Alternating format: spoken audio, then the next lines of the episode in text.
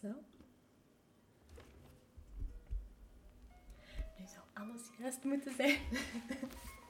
Dus top, je krijgt geen derde kans, hè? Ja.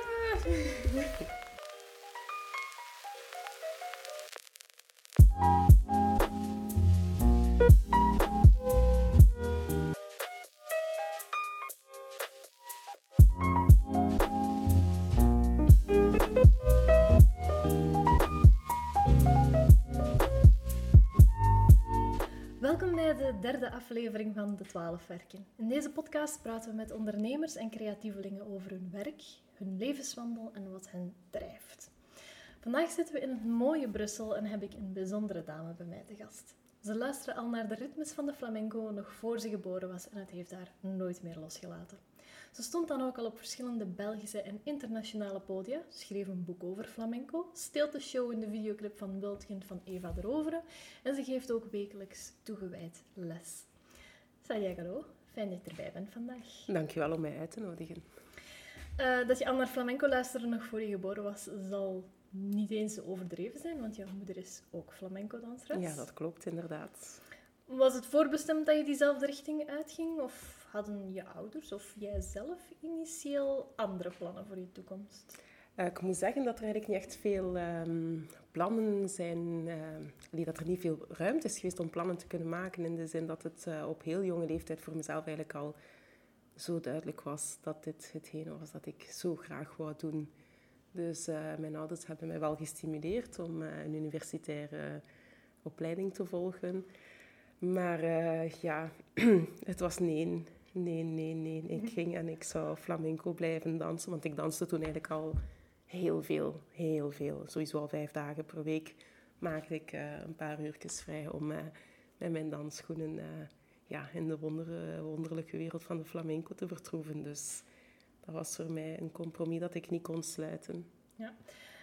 Um, dus het stond eigenlijk al van in het begin een beetje vast van dus iets wat ik de rest van mijn leven ga doen op professioneel Ik denk dat het wel al heel duidelijk was in, mijn, in mijn eigen lot, ja, in mijn eigen mm -hmm. uh, pad.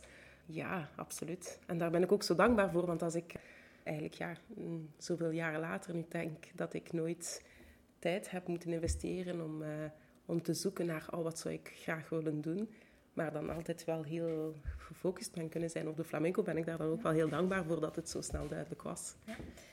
Ooit getwijfeld om verder professioneel, op professioneel vlak te blijven dansen? Op professioneel vlak zeer zeker, omdat in de eerste plaats als je de keuze maakt om, uh, om te, in mijn geval dan om te dansen of uh, welke, welk vak dan ook, zingen of gitaar spelen of de percussie, maak je die keuze niet met een ambitie om professioneel iets te bereiken, maar echt vanuit een oprecht honger en zoektocht naar meer te leren en meer te ontdekken en je, en uw eigen uh, nieuwsgierigheid te voeden. Dus, dus um, ja, uiteraard ontwikkelt zich dan ook een professioneel parcours en daar kom je natuurlijk wel uh, realiteiten in tegen die wat minder uh, grappig zijn.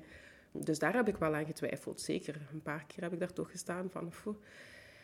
Ja, maar dit is wel een pittig leven. Hm?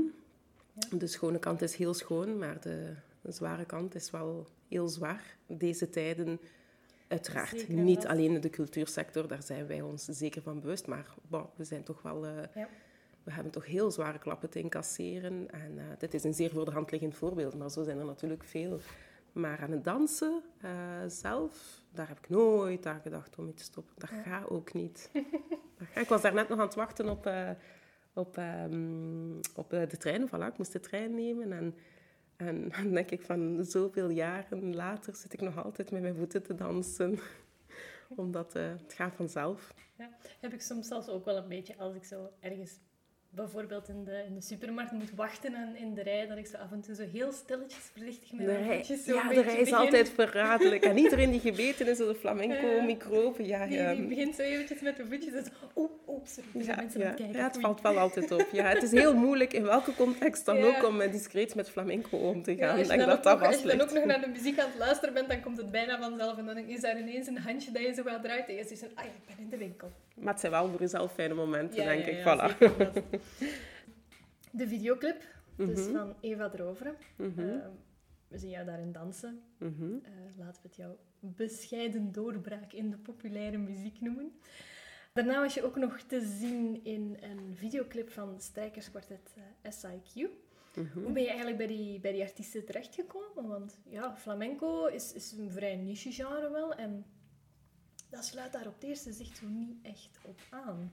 Wat ik denk dat eigenlijk in beide gevallen het, ehm, eh, de zoektocht was van de artiesten die het nummer dan eh, gemaakt hadden en opgenomen hadden, is dat ze eigenlijk met het contrast wouden werken van... Ja, flamenco Ja. eh, is gekend en terecht ook voor de temperamentvolle, expressieve interpretatie. En ehm voilà, ik denk dat ze dat dan specifiek zochten. Ja, in het geval van Eva de Rover dan de titel Wild Kind. Eh, Zegt dat wel iets? ja, voilà, is al, eh, is al een goede stap in de richting van de flamenco. En met eh SIQ was het eigenlijk ook hetzelfde. Dat, waren, dat zijn vier prachtige madammen. Echt waar, als je ze eens kan zien, zeker gaan, want ze zijn fantastisch. En heel pittige madammen, in de meest liefdevolle zin van het woord. En voilà, zij hadden een heel concept bedacht voor een clip. En een van hen had een tijd geleden een dansles bij mij gevolgd. Ja. En voilà, ze zei dat ze vooral op, op zoek waren naar een expressief, krachtig type. En Ja. toen kreeg ik telefoon. Dus voilà. En wat Ja. vind je er zelf van? Ja, dat is altijd eh, een, eh, dat is altijd een heel avontuur. Want wie mij kent als danseres, weet dat ik heel traditioneel ben in mijn dansstijl. En soms vraagt men me dan ook, is dat dan een specifieke keuze? Maar eigenlijk is dat gewoon zo gegaan, omdat ik mij zo vrij en gelukkig voel in de traditie dat ik niet echt nood heb om verder te gaan zoeken. Hoewel dat, dat het wel vaak inspirerend is om andere mensen, eh, is het nu dans, zang of gitaar, maakt op zich niet uit, eh, om te zien hoe dat zij dan eh, ja, mooie wegen afleggen in een meer... ja, noem het dan modern, experimenteel. Je kan erop noemen. Ja, nee, geef het de titel dat je graag wilt. Maar zelf heb ik nooit nood om daarin mee te gaan, omdat ik zo gevoed ben met de traditie. Mhm. Maar ik was eh, op zich wel geboeid door de artiesten die mij gecontacteerd hadden. Ik heb zo nog een paar in het verleden, een paar projecten gedaan. Mhm. Dan denk ik, ja, fijn, laten we zien wat het, het eh, met zich meebrengt. Ja. soms halverwege de clip denk ik ook, wauw, eh, hoe gaan we dat nu verder oplossen? maar voilà, dan blijf je toch in je eigen rol staan. Want ik ben en blijf natuurlijk een flamenco Ja. danseres. En het heeft uiteraard ook geen zin om dat te doorbreken, om iets te gaan doen dat, dat ik niet ben. En eh, ja, ze waren wel tevreden, dus voilà. Ervaring rijker ook. Ja, oh, oh, zo, zo leer ik. Alles, maar elke ervaring, in welke context dan ook, leert mij zoveel bij. Maar mijn beste eh, bron in, op vlak van leren Ja. zijn mijn leerlingen. Daar leer ik het meest van, Ah, absoluut. dus, leg, eens, leg eens uit. Ja, ik ben eigenlijk heel jong eh, les beginnen geven. Nu vraag ik me af toen waar dat, dat toen wel verantwoord was, maar goed, dat is een andere Hoe discussie. oud was je misschien? Eh, was ik 16, 17? Oké, Dat, is, dat is heel jong. Ja, ja, ja. Dus eh, ja, ik kan nu zeggen dat ik 19 jaar les geef. Ehm, dat, klinkt, dat klinkt al stevig, maar Ja, ja, het is vooral stevig in mijn eigen leerproces. In de zin dat je... mm, Ja, je staat dan in een danszaal. Ik geef quasi altijd collectieve hè, groepslessen. En, en je staat daar dan natuurlijk met zoveel verschillende mensen, zoveel verschillende lichamen, eh, gevoeligheden. Iedereen komt ook met een ander doel of een andere nieuwsgierigheid naar de dansles. En dan moet je die allemaal eh, samen in één richting hunzelf laten zijn. En dan moet je die natuurlijk ook technisch voeden. Eh, ook ja, met dat flamenco zo een specifieke vorm van kunst is, Ja. eh, is het ook belangrijk. Mijn leerlingen weten dat ik daar heel veel aandacht aan eh, besteed. Is het ook heel belangrijk om een beetje culturele uitleg te geven en dergelijke. Dus ja, het is multitasken en, en je ziet zoveel. En heel vaak, ehm, ik heb dat nog niet veel verteld, heel vaak zie ik dan ook in beginnersgroepen leerlingen bewegingen maken die zodanig spontaan zijn, omdat ze de technische tools nog niet hebben, dat dat heel inspirerend kan zijn. En als je dan een beetje kan vertalen met de techniek, hè, die ik dan toch met Ja. de jaren, eh, met heel veel hard, hard werken, toch wel een beetje heb kunnen opbouwen, ja, dan, dan vaak zie ik iets en denk ik, oh wauw, zelf zou ik dat zo niet gedaan hebben. Ja, en soms lachen we. Ja, Ja. we doen af en toe wel eens Ja. rare dingen en je hebt van oei, waar kwam dat vandaan? Ja, ik zie van alles. Ik heb al van alles gezien in mijn les. Ik heb ook al van alles uitgestoken, voor alle duidelijkheid. Zeker maar eh, er wordt wel vaak gezond gelachen. Maar ik zie heel veel ehm, oprecht... eh, eh, ehm, ja, hoe moet ik dat verwoorden? Fragiliteit, kwetsbaarheid is misschien Ja. beter. En ik, ik merk ook... Dat gebeurt natuurlijk niet zo vaak, maar er zijn echt momenten van magie in mijn lessen. Hetzelfde, dezelfde magie dat je op een podium kunt hebben. Als iedereen zich zo eh, overgeeft naar de zoektocht in dezelfde melodie, en ook omdat we altijd live muziek hebben natuurlijk, dat is een absoluut eh, geweldige Ja, meerwaarde. Dat is niet elke, dat heb ik al gemerkt, want ik heb al een paar verschillende plaatsen les gevolgd, dat je daar echt wel inderdaad geluk mee hebt. Absoluut. Als er live muziek bij Ja, staat. absoluut. Het is een eh, grote, grote meerwaarde. Absoluut. En wel, voilà, dus dan creëren zich mijn momenten echt heel magische momenten. Dat ik soms zeg van, oh, wauw, kijk, hop. Ja, voilà. Dus dat zijn mijn grote leraren. hè. Veel mensen die het woord flamenco horen, denken ja, bijna meteen aan castagnetten, bolletjesjurken en... ja, je hebt niet al duidelijk, eh, een beetje, allee, toch een beetje duidelijk gemaakt dat het wel heel wat dieper gaat. Eh, Gelukkig, stel je voor. ja, Moest ik het al heel mijn leven moeten doen met kastanjetten, bollen en bloemen? oei oei. Zou maar triestig zijn. Eh, hoe sta jij daar een beetje over tegenover die clichés? En als iemand daar zo mee afkomt van, ah, flamenco, dat is zo met die... Ah nee, maar de, nee, nee, wacht. De meest voorkomende versie is, oh, flamingo. Ja, Dat is heel vaak. Ja, och, oh god, en hoe vaak zeg ik het over iets anders zo fout? En hoeveel Ja. clichés eh, komen er dan uit mijn mond? Ja, zeker. Maar goed, dat dit toch wel het eh, terrein is waar dat ik in beweeg. ja, ja, ja. ja. Hoe sta je daar een beetje tegenover? Vind je, heb je zoiets van, oh ja, flamenco zal altijd wel een klein beetje een, een, een underdog blijven met de nodige clichés? Of heb jij toch liever dat daar een bredere appreciatie voor zou komen, maar waar dan ook meer toegankelijkheid? Maar dat is een beetje een compromis, eh, een moeilijk compromis. Beter. Uiteraard zou ik het eh, geweldig vinden, en ik ben zeker de enigste niet, eh, dat de flamenco beter kan gezien worden voor eh, wat het, het echt is. Maar wie ben ik om te oordelen over wie gelukkig is met castagnetten, bollen en bloemen? En ik eh, ben een groot liefhebber van bollen en bloemen. Castagnetten wat minder, dat ligt mij echt niet. Dus daar, ai, daar in dat cliché heb ik al grandieus gefaald. dat is echt... Ja, ooit ook eens geprobeerd en... ja, het ligt mij niet. Ik, vind, ik kan het enorm appreciëren bij andere danseressen. En pas op, dansers, want er zijn eh bailaores die ook heel goed eh, eh, met de castagnetten dansen. Maar voilà, mij persoonlijk spreekt het niet aan. Maar voilà, grote fan van bollen en bloemen. Maar goed, liefst dan in combinatie met, eh, met eh, meer diepere Ja. kijk op zaken. Maar opnieuw, ja, wie ben ik om te kiezen hoe het in het algemeen moet zijn? Uiteraard, op het moment dat ik op podium sta met mijn groep, of op het moment dat ik voor een klas sta, of op het moment dat ik dan een gesprek deel met iemand over flamenco, ja, dan gaan we het natuurlijk niet enkel over de bollen en de bloemen hebben. Eh, ik geloof ook dat, er, eh, eh, dat de waaier van de flamenco meer en meer opengetrokken wordt naar het grotere publiek. Maar ik denk dan ook, aansluitend, dat het net zo typerend is voor het grote publiek om in een zekere oppervlakkigheid, oppervlakkigheid om te gaan met bepaalde zaken. En is dat negatief? Ik weet het niet. Naar hoeveel zaken kijk ik zonder mij in alles te verdiepen? Ik denk dat dat ook niet haalbaar is. Dus vaak verdeelt het eh, publiek zich in drie categorieën. Ja, de, de Dos Cervezas Por Favor fans. Ja, maar fantastisch. Ja, geweldig, hè? Geen oordeel, voilà. Het is mijn wereld niet, maar de anderen die toch wel graag een beetje dieper gaan kijken. En, eh, en toch al kunnen gaan proeven van de, van de meer eh, complexiteit van de flamenco. Nadat ze even in shock zijn, want flamenco is natuurlijk zodanig complex dat we Ja. altijd zo voilà, over dat even moeten slikken. Voilà, dat is Dat misschien... eh, over. voilà, dank je. En dan heb je de andere groep eh, fanaten die hun leven lang eh, duiken in het ene flamenco, van het ene flamenco-bad naar het ander. Maar geen groep doet het beter of slechter dan het ander. Het enige dat ik geloof dat heel belangrijk is, dat we het gewoon in alle eerlijkheid benoemen zoals het is. Je hebt nu samen met een aantal andere flamenco-artiesten, waar dat je lange tijd mee samenwerkt, een eigen eh, flamenco-productiehuis opgestart, Mhm. Lu Producciones. Voelde je dat daar een, een behoefte aan was en hoe zie je dat verder evolueren? Absoluut, omdat ik... ehm, ik, we, zeker. Omdat we...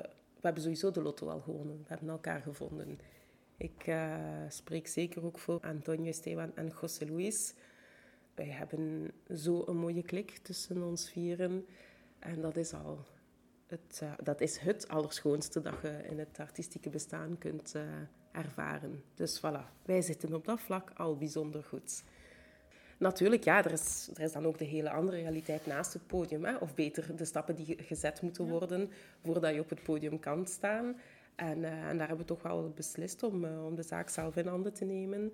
Antonio en José Luis hebben ook vele jaren ervaring. Ik heb ondertussen ook al veel mogen zien en leren, ervaren. En uh, Esteban, ondanks het feit dat hij piepjong is, heeft ja. toch ook al een mooie, een mooie kennis van bepaalde zaken. En voilà, wij leggen ons, als we creëren, leggen we onze uh, zielen samen. En als we plannen, onze hoofden. voilà, dus dat zijn een beetje zo de... We kunnen onze vergaderingen zo meestal in drie delen opsplitsen. Eerst uh, de hoofden, dan de zielen en dan de gezelligheid. Ja. voilà. En, um, voilà, en Luna Producciones komt uh, eigenlijk vandaar. En de naam Luna Producciones komt van um, Antonio, die een prachtige achternaam heeft, uh, Antonio Paz. Het kan niet schoner zijn. Ja.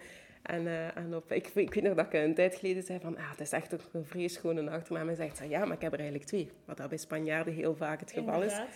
En zegt Luna. En toen zei ik, ah, fantastisch. Vrede en maand kan niet schoner zijn. En ja, ik ben een grote fan van maanstenen en dergelijke. En uh, ja, het dus, symboliseert ook de kracht van de vrouwelijke energie.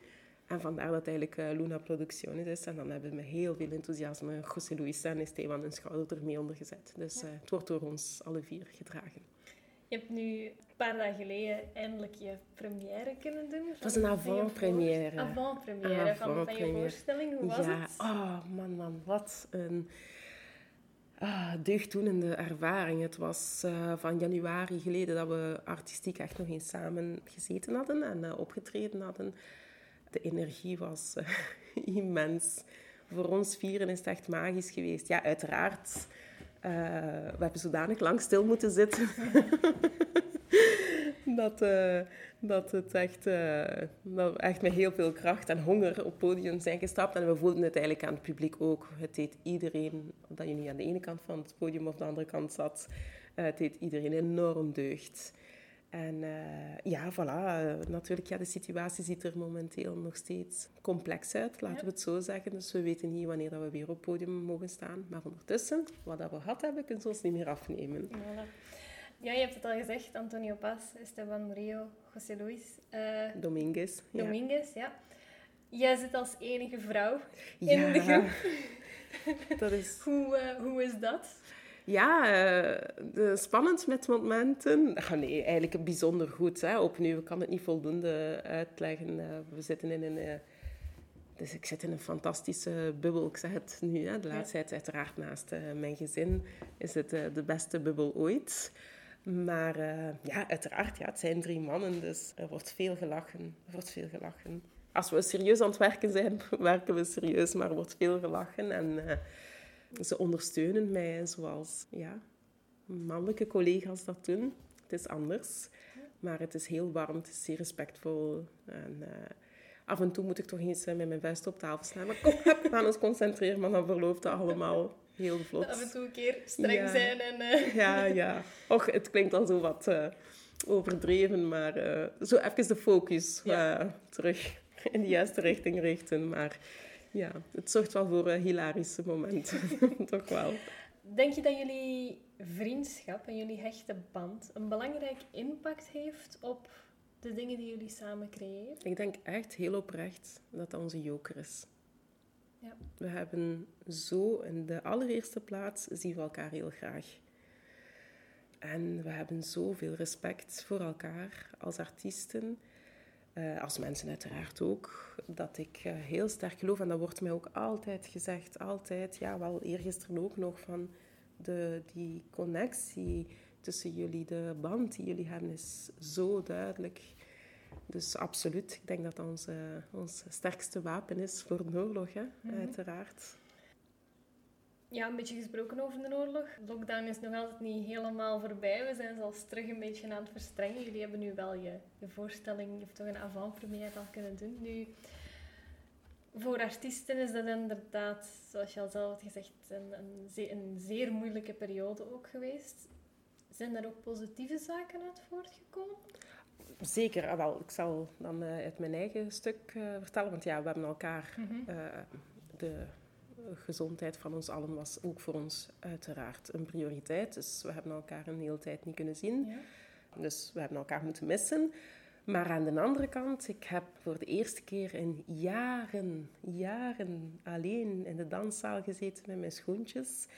Zonder geen enkele mm, deadline die in mijn nek duwde. Zonder geen enkel uh, uh, leerling waar dat ik uh, iets moest aan geven. Hoe graag dat ik ook lesgeef. Mm -hmm. Het is natuurlijk altijd een specifieke dynamiek. voilà, zonder een... Um, een, uh, een, voorstelling die voorbereid moet worden of een clip die voorbereid moet worden, noem maar op. Dus zo voor de eerste keer sinds heel lang stond ik eens uh, in de danszaal en mocht ik gewoon doen waar dat ik zin in had. Ik heb daar immens veel van genoten. Zonder enige prestatiedruk gewoon Ik heb mijn schoenen fantastisch. Dat heeft mij enorm veel deugd gedaan. Ja. En dan een tijdje had het ook wel wat Ja, gehad, ja, want dan, dan creëer je allerlei stukken en dan ah ja, dan wil je dat graag delen en dan zit je daar nog alleen. We hebben ook het geluk, het groot geluk dat we, ja, de technologie heeft dit allemaal toch wel uh, heel erg leefbaar gemaakt. Mhm. hè? Ik uh, kan mijzelf niet inbeelden dat we dit zonder internet en al het speelgoed dat we met z'n allen hebben, hadden moeten doen. Maar bon, een videogesprek is en blijft een videogesprek. Dus dan nam ik wel mijn pasjes op en stuurde ik door naar de jongens. Of omgekeerd. Hè. Ze, hebben, ze hebben zich ook uh, volledig laten gaan in hun creativiteit. met prachtige resultaten als gevolg. En nee, jullie krijgen dat natuurlijk niet allemaal te zien en te horen. Want het grootste deel hadden we nog altijd voor onszelf. Maar uh, voilà, ja, het is hetzelfde niet. Hè. Ja. Dus het is toch wel een beetje een, een, een bezinningsmoment geweest. Uiteraard. En een moment om nieuwe inspiratie op te doen. Uiteraard, ja. ja. Hoe ver gaan jullie eigenlijk terug, jij en de jongens? Ik en de jongens, ja. Er zijn eigenlijk verschillende verhalen ertussen. Um, ja, het, uh, het langste verhaal daarin is zeker uh, tussen Antonio en José Luis. Die kennen elkaar van als ze piepklein waren. Dat is een vriendschap van uh, zoveel jaren. Dat zijn beste vrienden. Je ziet ook, dat zijn twee handen op één buik. En uh, José Luis uh, speelde blijkbaar als klein uh, manneke gitaar bij de papa van Antonio. Die heette ook Antonio Pas en die gaf toen gitaarles. En voilà, en zo is dat ontstaan. En die hebben, zich, die hebben elkaar eigenlijk nooit meer, nooit meer losgelaten. Dat is echt een heel mooie vriendschap om te zien. En dan uh, Esteban is heel jong dan ook gitaar beginnen uh, volgen. Want Esteban zingt ongelooflijk goed. Maar als Esteban zijn gitaar vastpakt, dan staat iedereen te kijken van... Maar allee, dat is echt een heel goede heel goede gitarist ook. En voilà, dus als klein ventje ging hij dan ook gitaarles gaan volgen bij José Luis. Ja. En bij Antonio Segura, dus ook een gitarist die hier in Brussel zit. Een fantastische muzikant, absoluut. En, en voilà, dus Esteban ging dan ook naar zijn flamenco-lessen. En Antonio Pas zong daar dan regelmatig. En Antonio vertelde van, nou, ik had hem als klein ventje gezien en het viel me direct al op dat hij een heel goede voeling had met flamenco. En daar kunnen we nu allemaal de vruchten van zien. Ja. Ja. En uh, voilà, ik heb um, Antonio eigenlijk jaren geleden ontmoet. Ik was, uh, denk dat ik jonger dan vijf jaar was, een heel klein meisje, omdat hij in de tijd nog gezongen heeft voor mijn moeder. Toen was hij zelf piep, piep jong. Ja. en uh, ja, ik, ik, heb daar vage beelden van, maar toen dat hij mijn dochtertje zag, een paar jaar terug, dat we elkaar zoveel jaren later teruggezien hebben, ja. zei hij van, amai, het is gelijk hoe dat ik u zei, wel beter, zo heb ik u gekend.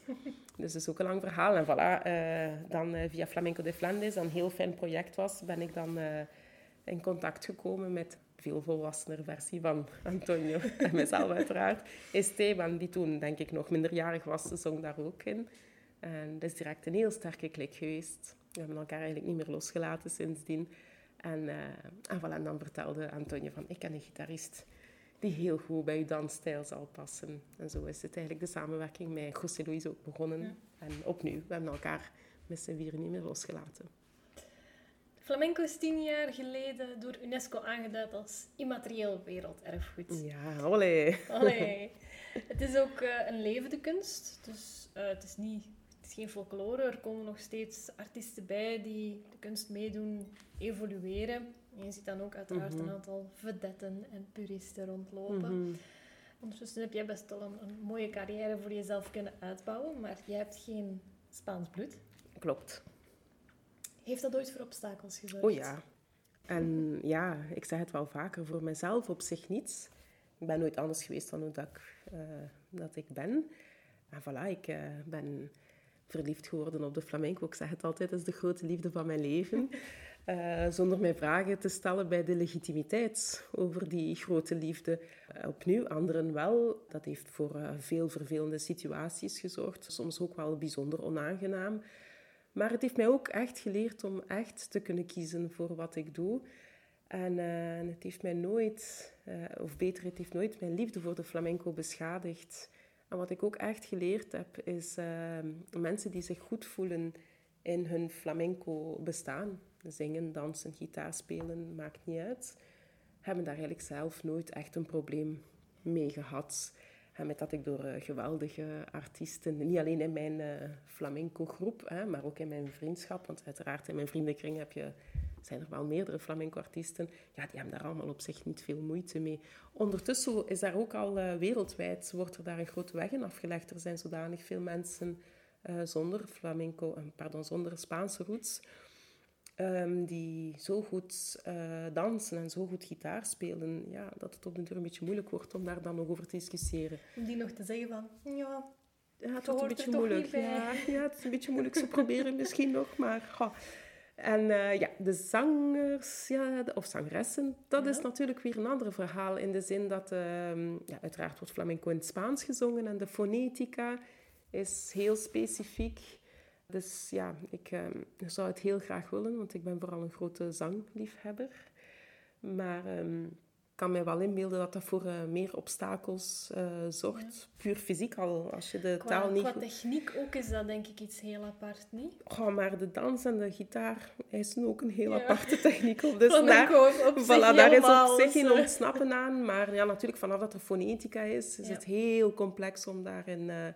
Om, om daar uh, je weg in te vinden. Ja, iemand die van dag één altijd al Spaans gesproken heeft, heeft het wel gemakkelijker. Hè? Ja. Dus kan mij, allee, het is wel duidelijk dat er op dat vlak uh, nog altijd grotere obstakels bestaan als je geen concrete Spaanse roots hebt. Maar goed, je, kunt, je hoeft geen uh, Spaans bloed te hebben om al heel je leven Spaans te spreken. Hè?